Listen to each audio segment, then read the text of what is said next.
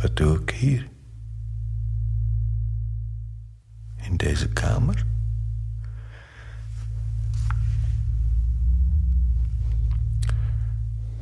Wanneer ben ik hier aangekomen?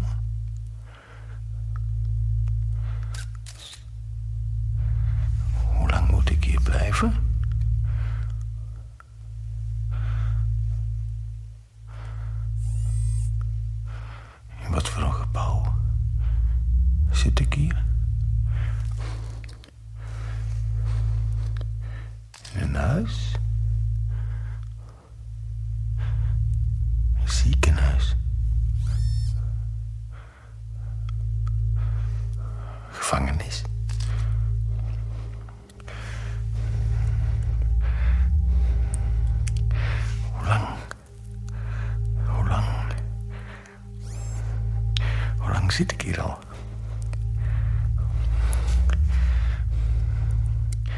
Zit ik opgesloten?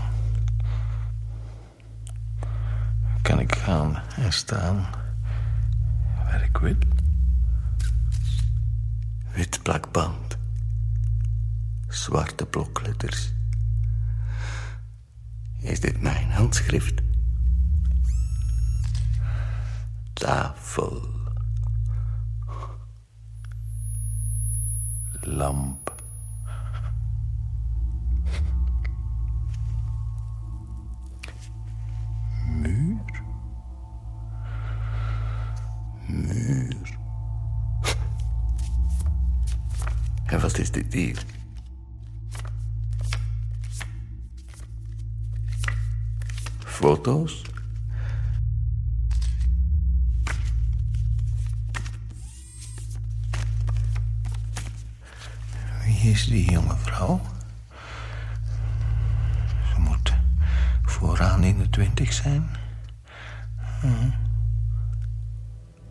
Anne? Ja. Ja, ja, dat is het. Anne.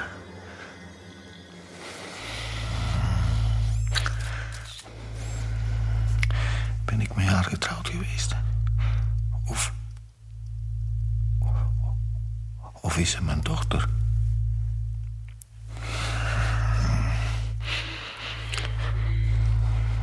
Is ze dood?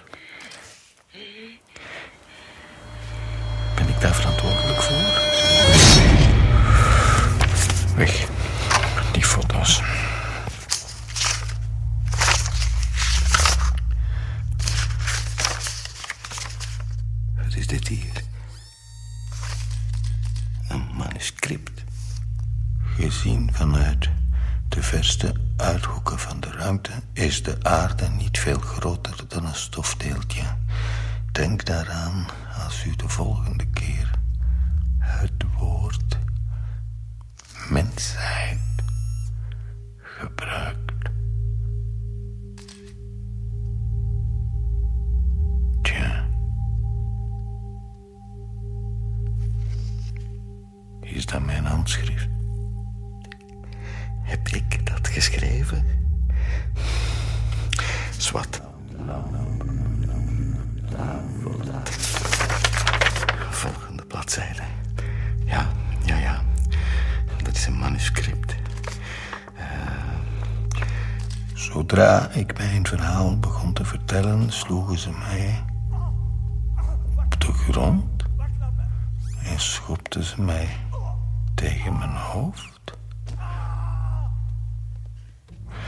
Nadat ik overeind was gekrabbeld en opnieuw begon te praten, sloeg een van hen mij op mijn mond. En een ander stompte mij in de maag. Ik viel. Het lukte me weer overeind te komen. Maar toen ik voor de derde keer mijn verhaal wilde beginnen, wierp de kolonel tegen de muur en ik verloor het bewustzijn. Tja, vreemd verhaal.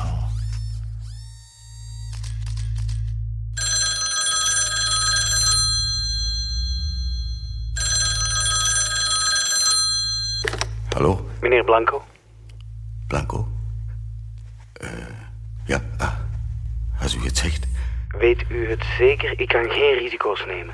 Ik weet niks zeker. Met wie spreek ik? Met James. Ik ken geen James. James P. Flood. Flood. Eh, help mij eens even. Ik ben gisteren bij u op bezoek geweest, twee uur lang. Ah, ja, ja. Ehm, de politieman? De ex-politieman. Juist, ex-politieman. Nou, Wat kan ik voor u doen? Ik wil graag nog eens bij u langskomen. Was één gesprek niet genoeg? Nee, nee, niet echt, nee. We hoeven niet per se in de kamer te blijven. We kunnen ook buiten in het park praten als u dat liever hebt. Park? Ik heb niks om aan te trekken. Ik zit hier in pyjama en pantoffels. Kijk eens in de kast. U hebt een ruime keuze aan kleren. Ah, de kast. Hm. Dank u wel. Hebt u al ontbeten, meneer Blanco? Ik denk het niet, nee. Krijg ik hier eten dan? Ja, drie maaltijden per dag. Het het is nog een beetje vroeg, maar Anna kan elk moment bij u langskomen. Anna? Zei u Anna? Eh, eh, Ja, Anna, zij is degene die voor u zorgt. Ik dacht dat ze dood was. Dood, alles behalve. Misschien is het een andere Anna. Dat betwijfel ik. Van alle mensen die bij dit verhaal betrokken zijn, is zij degene die helemaal aan uw kant staat. Zijn er dan nog anderen? Eh, Ja, en laten we zeggen dat er bij die andere behoorlijk veel rancune heerst. D- daar kunnen we het verder beter bij laten. Tja, aangezien ik geen keuze heb, dan, dan, dan, dan... Komt u dan maar. Goed, oké, tot straks. De kast. Is hier dan een kast? Dat ging goed, hè? Wow. Ja, inderdaad. Anna is degene die helemaal aan uw kant staat. Kom, Zeg, jongens. Hij gaat weer zitten. Ja. Op de rand van het bed. De handpalmen open op zijn knieën. Kijk, Het hoofd naar beneden. kijk. Hij staart weer naar de grond. Hij heeft er geen idee van dat er vlak boven hem een camera in het plafond gemonteerd Nee, is. nee, dat weet hij niet. Absoluut geen idee van dat wij verdichtsels van zijn geest hem hebben opgesloten. En niet omgekeerd. De schrijver die altijd baas is over zijn personages. Ook als hij wist dat hij door ons vier geobserveerd werd, zou dat geen enkel verschil maken. Zijn geest is lam. In de kamer ligt een aantal voorwerpen. En op ieder voorwerp kleeft wit plakband. Met daarop een woord in zwarte blokletters. Op het tafeltje naast het bed bijvoorbeeld. Op de lamp staat... Een lamp zeker? En ook op de muur zit een strook wit plakband met het woord... Muur, ja, natuurlijk. En ook Ja, ja, de- het is goed. Het is goed. Kom. Hoeveel foto's heb je daar nu weer neergelegd? 36, ongeveer 20 bij 25 centimeter. En vier stapels papier, elk ongeveer 15 centimeter hoog. De tekst die hij leest is in hetzelfde lettertype Kijk, geschreven als op de stroken plakband. En neemt het volgende blad van de stapel. Goed hoor. Kom aan. Waar was ik gebleven? Ah ja.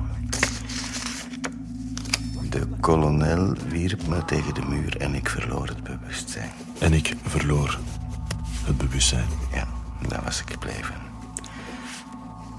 Sindsdien houden ze mij in deze ruimte gevangen. Net als ik dus. Voor zover ik kan nagaan, is het geen doorsneecel. Het is een kleine kale ruimte van Het is een klein... 3,5 bij 4,5 meter. Boven in de westelijke muur zit een klein raam. Met tralies ervoor. Ik slaap op een strooien mat in de hoek. En tweemaal per dag krijg ik een maaltijd geserveerd. 's ochtends koude pap en s'avonds lauwe soep met brood. Volgens mijn berekeningen zit ik hier nu 47 nachten. 47 nachten. Maar dat aantal kan foutief zijn. 47 nachten. De woestijn begint vlak buiten mijn raam. Heb daar buiten bijna vier maanden alleen gewoond. Mij als een vrij man bewogen van de ene plek naar de andere. En in allerlei weertypes geslapen onder de blote hemel. Om na de wijsheid van die streken opgesloten te worden in deze benauwde ruimte is niet bepaald gemakkelijk voor mij. Ik verlang ernaar om weer in de open lucht en in het daglicht te zijn. Dit is het garnizoen van Ultima. Ultima is de meest westelijke uithoek van de Confederatie. Meer dan 3000 kilometer verwijderd van de hoofdstad. Van hieruit kan je de uitgestrekte buitengebieden overzien. Het is bij wet verboden die gebieden te betreden. Ik ben er toch naartoe gegaan omdat ik daartoe de opdracht had. En nu word ik gedwongen om verslag uit te brengen. Ik begrijp er niks van. Maar of ze nu luisteren of niet, daarna word ik toch mee naar buiten genomen en doodgeschoten. Daar ben ik intussen zeker van. Als ik uiteindelijk tegen de muur word gezet en zij hun geweren op mij richten, zal ik alleen vragen om mijn blinddoek af te nemen. Zodat ik nog één keer de blauwe lucht kan zien.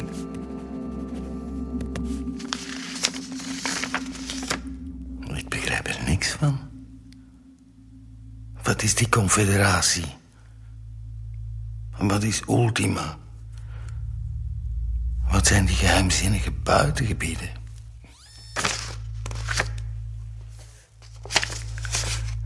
Mijn hersenen werken niet zoals het hoort. Wat ben ik toch? Waarom ben ik hier? Nu? Wat is dat nu? Begin 21ste eeuw?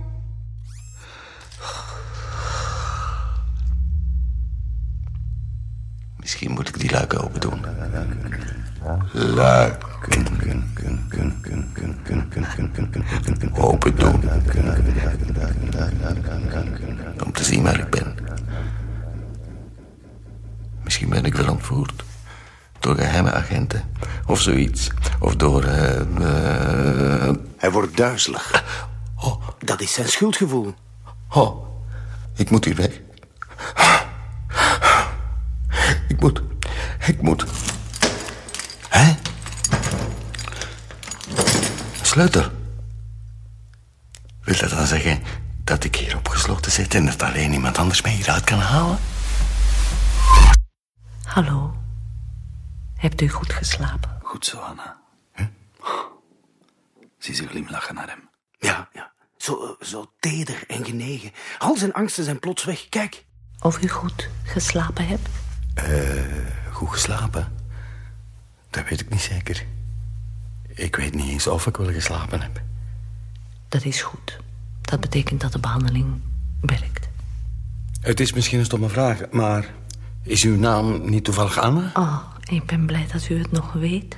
Opnieuw die glimlach. Teder en vol genegenheid. Gisteren kon u mijn naam maar niet onthouden. Als u Anna heet, wie is dit dan? Hier op die foto hier. Zij heet ook Anna, of niet soms? Ja, ja dat is een eh, foto van mij. Maar, maar, maar dat meisje op die foto is nog jong en u... U, u, u hebt grijs haar. En toch, dat ben ik, 35 jaar geleden. Bon, ehm, uw ontbijt wordt koud. Maar eerst de pillen. Goed. Eerst de groene, dan de witte, dan de paarse. Ben ik ziek misschien? Nee, nee, helemaal niet. Die pillen, die horen bij de behandeling. Ik voel me niet ziek. Nee. Een beetje moe en duizelig misschien, maar helemaal niet ziek. Nee, maar neemt u die pillen nu maar, meneer Blanco... dan kunt u daarna aan uw ontbijt beginnen. Maar als ik nu niet ziek ben, dan ga ik die klote pillen toch niet... Lieve meneer Blanco. Ik weet hoe u zich moet voelen, maar u hebt beloofd om iedere dag uw pillen in te nemen. Dat was de afspraak. Heb ik dat beloofd? Ja, Hoe weet ik dat u de waarheid spreekt? Omdat ik het ben. Anna. En ik zou nooit liegen tegen u. Daarvoor hou ik te veel van u. Maar hoe spreekt hij nu? Is dat er niet wat over? Nee, nee. Oké, dan zal ik die rot willen nemen. Maar alleen, alleen als ik nog een kusje krijg. Afgesproken. Een echte kus. Hier, op mijn lippen. Ze kust hem vol op de mond. Ja, ja, ja, maar zijn tongen niet. Nee, maar ze zal toch wel... eh, hè? Niet? Wat? Ja, gevoelens hebben, hè? Alsjeblieft, zeg. Jongens, misschien is hij wel een engel. Een engel in de gedaante van een vrouw. Waarom bent u zo lief voor mij? Omdat ik van u hou. Simpel. Wilt u gebruik maken van het toilet? Oh, het toilet. Ja. Kijk, kijk, kijk. Hij is verbaasd. Hij staat plots voor een deur die hij nog niet had gezien. Op de deur zit weer wit plakband. Badkamer. Hm. Tja, ik wist niet dat.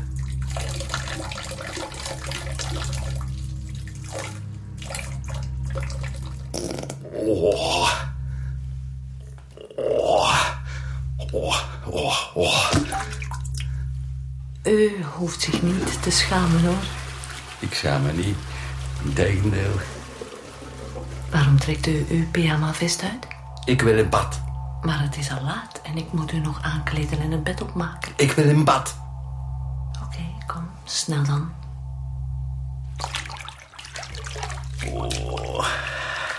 Het is nogal een ruw washandje. Hard of. Ik hou wel van hard.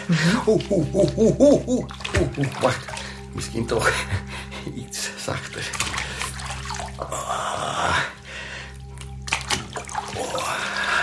Ja, dat functioneert daar precies beneden weer heel goed vandaag niet.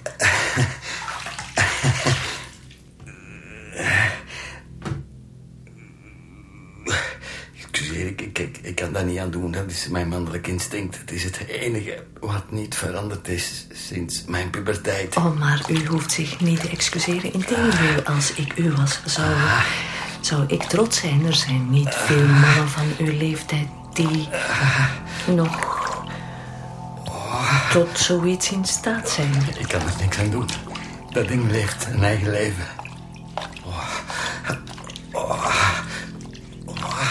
Washandje schuift naar zijn rechterbeen. En haar andere hand glijdt heen en weer over zijn goed gesmeerde erectie. Ja, dat zie ik ook wel.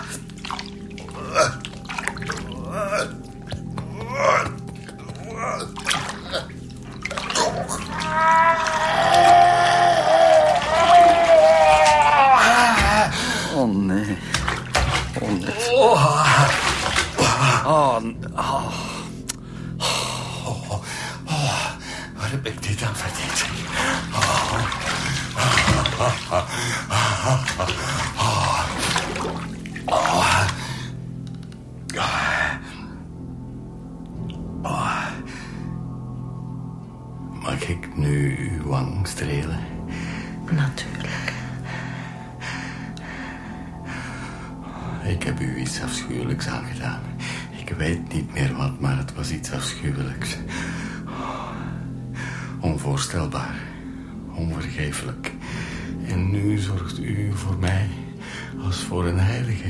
U kon er niets aan doen. U deed wat u was opgedragen. Ik neem het u dan ook niet kwalijk. Wat heb ik dan gedaan? Ehm, u hebt mij weggestuurd naar een heel gevaarlijke plaats. Een hopeloze plaats. Een plaats vol dood en verderf. Wat was dat dan? Een soort missie? Hoe lang bent u daar gebleven? Een paar jaar. Veel langer dan ik had gedacht. Maar u bent kunnen ontsnappen. Uiteindelijk wel, ja. Ik schaam me dood. Dat hoeft echt niet.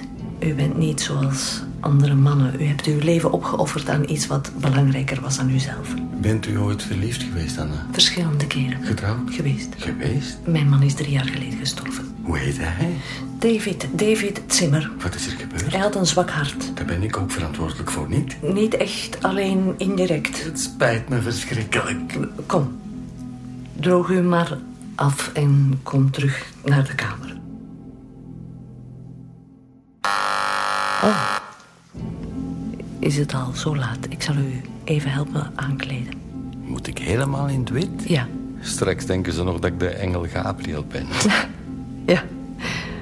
Het is op speciaal verzoek van Pieter Stilman. Niet de vader, maar de zoon. Pieter Stilman junior. Wie is dat? Hij is een van de mensen voor wie u verantwoordelijk was. Toen u hem op zijn missie stuurde, moest hij zich helemaal in het wit kleden. Hoeveel mensen heb ik zo op pad gestuurd? Honderden, meneer Blanco. Meer mensen dan ik kan tellen. En zijn dat die mensen op die foto's? Wilt u uw kamerjas uittrekken? Tuurlijk. ja. Kijk eens. hoe klein hij nu is. Hij zingt nu wel een toontje lager dan daar straks. Is goed, kom, kom op bed zitten. ja.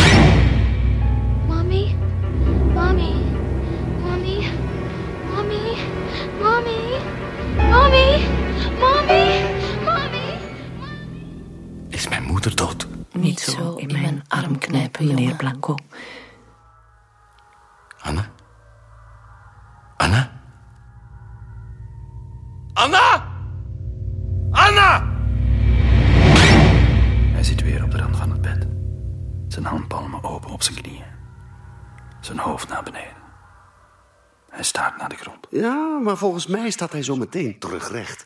Hij zal naar dat bureau gaan en naar die stapel foto's kijken. En verder lezen in het manuscript over de man die opgesloten zit in die cel in Ultima. Vierde alinea, pagina 5. Nog geen uur geleden gebeurde er iets ongelooflijks. De sergeant ontsloot de deur, legde een grote stapel blanco papier op het tafeltje, een flesje inkt en een pen. Hier, u mag schrijven. Is dat uw manier om een praatje te slaan, sergeant? Of is dat een verkapt bevel? Eh, kolonel De Vega zegt dat je mocht schrijven. Je mocht dat opvatten zoals dat je wilt, hoor. En als ik niet wil schrijven? Je bent vrij om te doen en te laten wat je wilt, maar de kolonel zegt dat het onwaarschijnlijk is dat een man in uw positie niet van de gelegenheid gebruik zal maken om zichzelf schriftelijk te verdedigen. En stuurt hij wat ik schrijf daarna naar de hoofdstad. Dat weet ik niet. Eh, Hij heeft mij niets verteld over zijn plannen. Ik weet dat je mocht schrijven. Hoeveel tijd heb ik? Dat onderwerp is ook niet ter sprake gekomen. Bedank kolonel De Vega dan maar van mijnentwegen en zeg dat ik zijn bedoelingen begrijp. Zeg hem dat ik zijn gebaar bijzonder op prijs stel. Ik zal uw boodschap doorgeven aan de kolonel. Goed, en laat me nu maar gerust. Wat wil die kolonel van mij? Of speelde hij een spelletje Onmiddellijk nadat de sergeant de deur weer op slot had gedaan, pakte ik de tafel op, droeg die naar de westelijke muur en zette hem vlak onder het raam. Toen haalde ik de stoel, zette die boven op de tafel en klom erop. Eerst op de tafel en daarna op de stoel. Ik wilde zien of ik mijn vingers om de tralies... Ik krijg mijn vingers niet om die tralies. Ik wil naar buiten Ik wil kunnen naar buiten kijken. kunnen kijken. Ik moet, Ik moet een bezem hebben om te kunnen... Laat mij hieruit! Ik wil eruit! Ik wil hieruit! Er is in godverdomme ook niks te vinden. Geen hamer, geen bezemsteel, geen pikkelweel. Stormbrand voor mijn part. Kom. Die met de kutschoenen uit. Er is geen venster. Doe toch geen moeite, Blanco.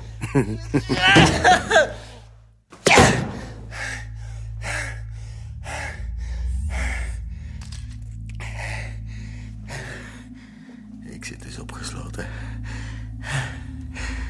Het bewijs is geleverd. Waarschijnlijk is het beter zelfs niet meer te denken aan ontsnappen.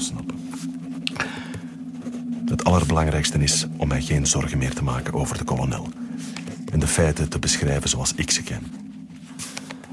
Wat hij wil doen met dit verslag, dat is zijn zaak.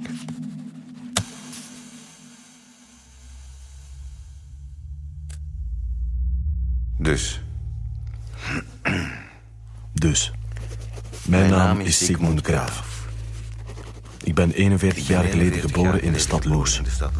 Als jonge man heb ik een bachelorgraad in de klassieke literatuur behaald. Ik was als kapitein in het leger actief bij de inlichtingendienst tijdens de Zuidwestelijke grensoorlogen. Tot aan mijn arrestatie door kolonel De Vega werkte ik op de afdeling demografie van het Bureau voor Binnenlandse Zaken als onderzoeker en veldcoördinator. Mijn laatste titel was plaatsvervangend assistent-directeur. Zoals iedere burger van de Confederatie heb ik mijn portie ellende wel gehad. Ik heb lange periodes van geweld en opstanden doorstaan en draag de littekens van verlies op mijn ziel. Ik heb mijn moeder en jongere broertje levend zien verbranden tijdens de plundering van Loes, mijn stad. Mijn vader is op zijn 56ste gestorven als een man van 70. Geradbraakt. Geradbraakt. Anderhalf jaar geleden werd ik door het bureau op missie gestuurd naar de onafhankelijke woongebieden in de provincie Tierra Blanca. Nog geen maand na mijn vertrek werd de hoofdstad getroffen door een cholera-epidemie. Daardoor zou mijn leven blijvend veranderen. Reisde de volgende vier en een halve maand heen en weer tussen de verafgelegen bergachtige woongebieden in het zuiden. Druk bezig met mijn onderzoek naar de verschillende godsdienstige sectes die in dat gebied waren ontstaan. Toen ik in augustus terugkeerde naar de hoofdstad, was de epidemie voorbij. Maar mijn vrouw en dochter van 15 waren verdwenen. Ik kamde gedurende ettelijke weken de stad uit naar aanwijzingen over hun verblijfplaats. Ik raakte steeds wanhopiger na iedere mislukte poging om informatie te verkrijgen die mij op het spoor kon zetten. Ik begon met het ondervragen van vrienden en collega's. Gewapend met foto's van mijn vrouw en dochter ondervroeg ik nadien honderden artsen, verpleegsters en vrijwilligers die gewerkt hadden in de noodziekenhuizen en klaslokalen. Nee, dat ken ik niet. Ik ben nooit gezien. Nee, sorry, nee, niet gezien. Maar van al die honderden mensen die de pasfoto's van mijn vrouw en dochter bekeken, was er niet één die de gezichten die ik in mijn hand hield herkende. Ten slotte kon ik maar tot één conclusie komen. Mijn geliefde waren ten prooi gevallen aan de afschuwelijke cholera-epidemie. Ik raakte de weg kwijt en een aantal maanden lang zocht ik troost in de vergetelheid van alcohol. De meeste nachten dronk ik alleen in het duister van mijn eigen huis. In het duister van mijn eigen huis. Maar sommige nachten waren erger dan andere. Beelden van mijn vrouw en dochter spookten door mijn hoofd en in gedachten zag ik altijd maar opnieuw hoe hun lichamen vol modder in een graf werden neergelaten. Altijd maar opnieuw zag ik hun naakte ledematen verstrengeld liggen met de ledematen van andere lijken in die kuil. En plotseling werd de duisternis van het huis mij te veel. werd de duisternis van het huis mij te veel. In een caféruzie brak ik de arm van een man en verbrijzelde zijn neus. Wat is dat allemaal, zeg? Dat was mijn misdrijf. Beoordeel het zoals u wilt, maar laat het uw lezing van mijn verslag niet beïnvloeden. Ieder mens krijgt problemen en ieder mens sluit op zijn eigen manier weer vrede met de wereld om zich heen. Ja, dat is goed. Dus, na verloop van tijd slaagde ik erin mezelf weer te beheersen. Maar ik ben de eerste om te erkennen dat ik niet meer degene ben die ik vroeger was. Ik word ervan beschuldigd een vijand van de Confederatie te zijn. En tegelijkertijd is er de afgelopen 19 jaar geen dienaar geweest die trouwer was aan de Confederatie dan ik. Ik geloof in datgene waar de Confederatie voor staat. En ik verdedig dat hartstochtelijk in woord en daad en met mijn bloed. Als de Confederatie zich tegen mij keert, kan dat alleen betekenen dat de Confederatie zich tegen zichzelf keert. Hier, de scheidemmer. Hoe lang moet ik hier nog zitten? Hé, hey, waar ben ik eigenlijk? Hoe lang moet ik hier blijven? Hé, hey, zal ik geëxecuteerd worden? Hé! Hey! Hallo! Godverdomme! Die sergeant mag blijkbaar niks zeggen. Bon. Ik heb de hoop voor mijn leven opgegeven. Maar als deze bladzijde, dit verslag, in handen valt van iemand met voldoende moed en karakter, dan zal mijn executie niet geheel zonder betekenis geweest zijn. Oh. Ik hoop dat er geen saus bij is. Ah, en u bent? Flot, meneer. Voornaam James, tweede naam Patrick. James P. Flot. Kent u mij niet meer? Vaag. Heel vaag. De ex-politieman. Ah. Ja, ja, ja, ja, ja. Ja, ja, Flood. De ex-politieman. U zou toch op bezoek komen en... en, en uh... Ja, meneer. Daarom ben ik hier. Uh, ik heb geen stoel voor u. Ik kan wel op het bed gaan zitten. Of als u fit genoeg bent, kunnen we ook naar het park aan de overkant gaan. Daar zijn meer dan genoeg bankjes. Ga maar op bed zitten, meneer Flood. En vertel me waarvoor u gekomen bent. Het, het, het gaat over die droom, meneer. Die droom? Welke droom? Mijn droom, meneer Blanco. Weet u dat niet meer? Nee, ik herinner me geen droom. Ik herinner me praktisch niks meer. Ze stoppen me vol pillen. De meeste tijd weet ik niet eens meer wie ik zelf ben. Hoe kan ik over de droom van iemand anders praten als ik me hem niet eens kan herinneren? Dat is nu juist het probleem, meneer Blanco. Ik weet ook niet meer waar hij over ging. Dan kan ik dus niks voor u doen, hè? Als wij geen van beiden weten wat er gebeurd is in die droom van u... dan is er niks om over te praten. Het ligt wel iets ingewikkelder. Dat denk ik niet, meneer Vlad. Het is heel simpel. Luister. In een van de niet gepubliceerde boeken, Nimmerland... staat er een terzijde, tussen haakjes bovendien, dat als volgt gaat. Het huis van Montag in hoofdstuk 7. En dan de droom van Flood in hoofdstuk 30. De droom van Flood in hoofdstuk 30. En ik zou u dankbaar zijn uit het diepste van mijn ellendig hart... als u een poging zou willen doen u de inhoud van die droom te herinneren. Zoals u erover praat, lijkt Nimmerland een roman te zijn. Eh, Dat klopt, meneer. Het was een roman. En u werd gebruikt als personage? Ja, blijkbaar. Maar waarom maakt u zich daar zo druk over? Die droom heeft in werkelijkheid nooit plaatsgevonden. Het zijn niet meer dan woorden op papier. Je reist een verzinsel. Laat toch zitten, meneer Fluffle. Uh, Flot. Dat is toch niet belangrijk? Maar, eh, voor mij is het wel belangrijk, meneer Blanco. Mijn leven hangt ervan af. Zonder die droom ben ik niets. Letterlijk niets. ja, dat zal wel, ja. Dat neem ik u erg kwalijk, meneer Blanco. U hebt niet het recht mij uit te lachen. Nee, nee, nee, maar u neemt zichzelf zo serieus, Flot. Dat komt toch nogal belachelijk over. U bent harteloos. Harteloos en onverschillig voor de pijn van anderen. U speelt met het leven van anderen. U neemt geen enkele verantwoordelijkheid op voor wat u doet. U bent de schuld van wat mij overkomen is. En dat neem ik u ten diepste kwalijk. Maar ik zal u niet langer vervelen met mijn problemen. Problemen? Wat voor problemen? Die droom is mijn enige kans. Het is alsof er een stuk van mezelf ontbreekt. En pas als ik dat stuk heb teruggevonden, dan kan ik weer mezelf zijn. Een glansrol. Zonder meer. Die flood. Tranen zelfs. Tranen die over zijn wangen rollen. Blanco ziet het. Vlad? Vlad? Of als u bent genoeg bent, kunnen we naar het park aan de overkant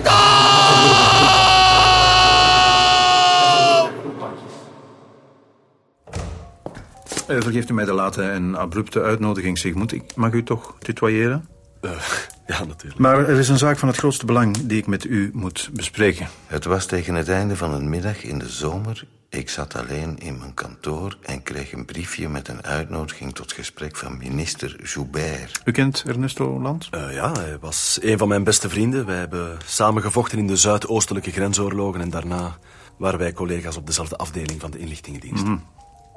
Hij heeft mij zelfs voorgesteld aan mijn latere echtgenote Beatrice. Hm. Ernesto was een uitzonderlijk moedig en, en, zeer bekwaam man. Zijn dood tijdens de cholera-epidemie betekende een groot persoonlijk verlies voor mij. Dat is het officiële verhaal. De naam Ernesto Land is bij diverse gelegenheden weer opgedoken. Als die berichten juist zijn, is hij nog in leven. Maar, maar dat, is, dat, dat is geweldig nieuws, meneer de minister. De afgelopen maanden bereiken ons geruchten vanuit het garnizoen in Ultima. Ultima? Er is geen enkele bevestiging ontvangen, maar volgens die geruchten is Ernesto Land kort na het einde van de cholera-epidemie de grens naar de buitengebieden overgestoken. Dat is verboden terrein, dat weet iedereen toch? De in- en uitreisverboden zijn al tien jaar van kracht. En toch zit hij daar. Als de rapporten van de inlichtingendienst juist zijn, verplaatste hij zich met een leger van meer dan 100 man. Daar begrijp ik niks van. Wij denken dat hij onrust probeert te stoken onder de primitieven. En van plan is hen op te ruien tegen ons. Tegen de westelijke provincies. Dat is onmogelijk. Niets is onmogelijk, graf. Uitgerekend jij zou dat moeten weten. Niemand gelooft zo sterk in de principes van de confederatie als Ernesto Land. Hij is een oprecht patriot. Mensen veranderen soms van mening. Nee, met alle respect, meneer de minister, maar ik vrees dat u zich vergist. Een opstand is onmogelijk. Militaire actie veronderstelt eenheid onder de primitieven. Dat is nog nooit voorgekomen, dat zal ook nooit voorkomen. Ze zijn even verdeeld als wij. Hun maatschappelijke tradities, hun talen, hun geloof hebben een eeuwenlang van elkaar vervreemd. Ieder volk is verdeeld in stammen. De Takamannen in het oosten, de Gangi in het westen. Je kent de buitengebieden precies heel goed. Nou, ik heb ruim een jaar doorgebracht onder de primitieven tijdens mijn begintijd bij het bureau. Dat was natuurlijk voor de in- en uitreis verboden. Misschien zijn ze van gedacht veranderd. Ja, als ik in hun positie verkeerde, zou ik ernstig overwegen de westelijke provincies opnieuw te veroveren. De grond is er veel vruchtbaarder. De bossen zitten vol wild en gevogelte. Het zou hun leven beter en aangenamer maken. U vergeet dat alle primitieve volkeren de in- en uitreis verboden hebben ondertekend. Nu de vijandelijkheden zijn gestopt, geven ze er de voorkeur aan in hun eigen wereld te leven, zonder interventie van de confederatie. Dat weet u toch? Ik hoop dat je gelijk hebt, Graf. Eh, iets drinken? Een, uh, een whisky graag. Whisky? Alsjeblieft. Dank u. Kijk, uh, het is mijn taak het welzijn van de confederatie te verdedigen. Of de verhalen over Ernesto Land waar zijn of niet, ze moeten worden onderzocht. Jij kent hem. Je hebt een tijd lang in de buitengebieden gewoond. Van alle leden van het bureau ken ik niemand die beter in staat is om deze klus te klaren dan jij. De toekomst van de confederatie kan ervan afhangen. Kijk, ik ben vereerd door het vertrouwen dat u in mij stelt, meneer. Maar uh, wat als ik de grens niet over mag? Ik geef je een persoonlijke brief mee voor kolonel De Vega. De officier die het bevel voert over het garnizoen. Kolonel De Vega? Aha. Hij zal het niet leuk vinden, maar hij heeft geen keuze. Bevel van de centrale regering moet worden opgevolgd. Maar als het waar is wat u zegt en Ernesto bevindt zich in de buitengebieden met een leger van 100 man, blijft de vraag toch hoe hij daar is kunnen komen? Ja, dat is een netelijke vraag. Uit wat ik gehoord heb, zijn er langs de hele grens troepen opgesteld. Ik kan mij voorstellen dat er zo nu en dan één man tussendoor glipt, maar toch geen honderd. Dus? Dus, als land de grens gepasseerd is, moet dat gebeurd zijn met medeweten van kolonel De Vega.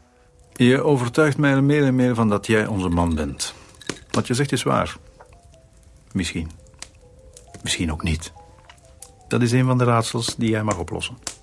En wanneer wilt u dat ik vertrek? Zo snel mogelijk. Er staat een rijtuig van het ministerie tot je beschikking. Joubert zegt... Je zult goed worden bevoorraad en alles zal voor je geregeld worden. Het enige wat je bij moet hebben is de brief voor kolonel De Vega. En de kleren aan je lijf.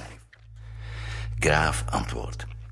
Goed. Morgenochtend dan. Morgenochtend dan. Ik heb zojuist mijn halfjaarlijkse rapport geschreven en mijn bureau is leeg. Joubert, kom om negen uur op het ministerie voor die brief. Ik wacht op je in mijn kantoor. Graaf, uitstekend, meneer de minister. Morgenochtend, Morgenochtend negen uur.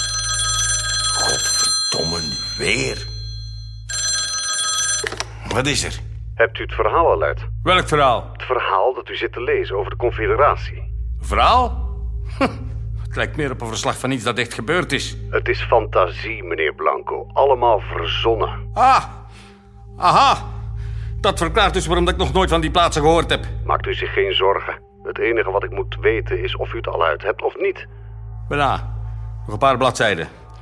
Als u me niet had lastiggevallen met dit klote telefoontje... dan had ik het waarschijnlijk al uitgehad. Goed. Dan kom ik over een kwartiertje of twintig minuten even langs...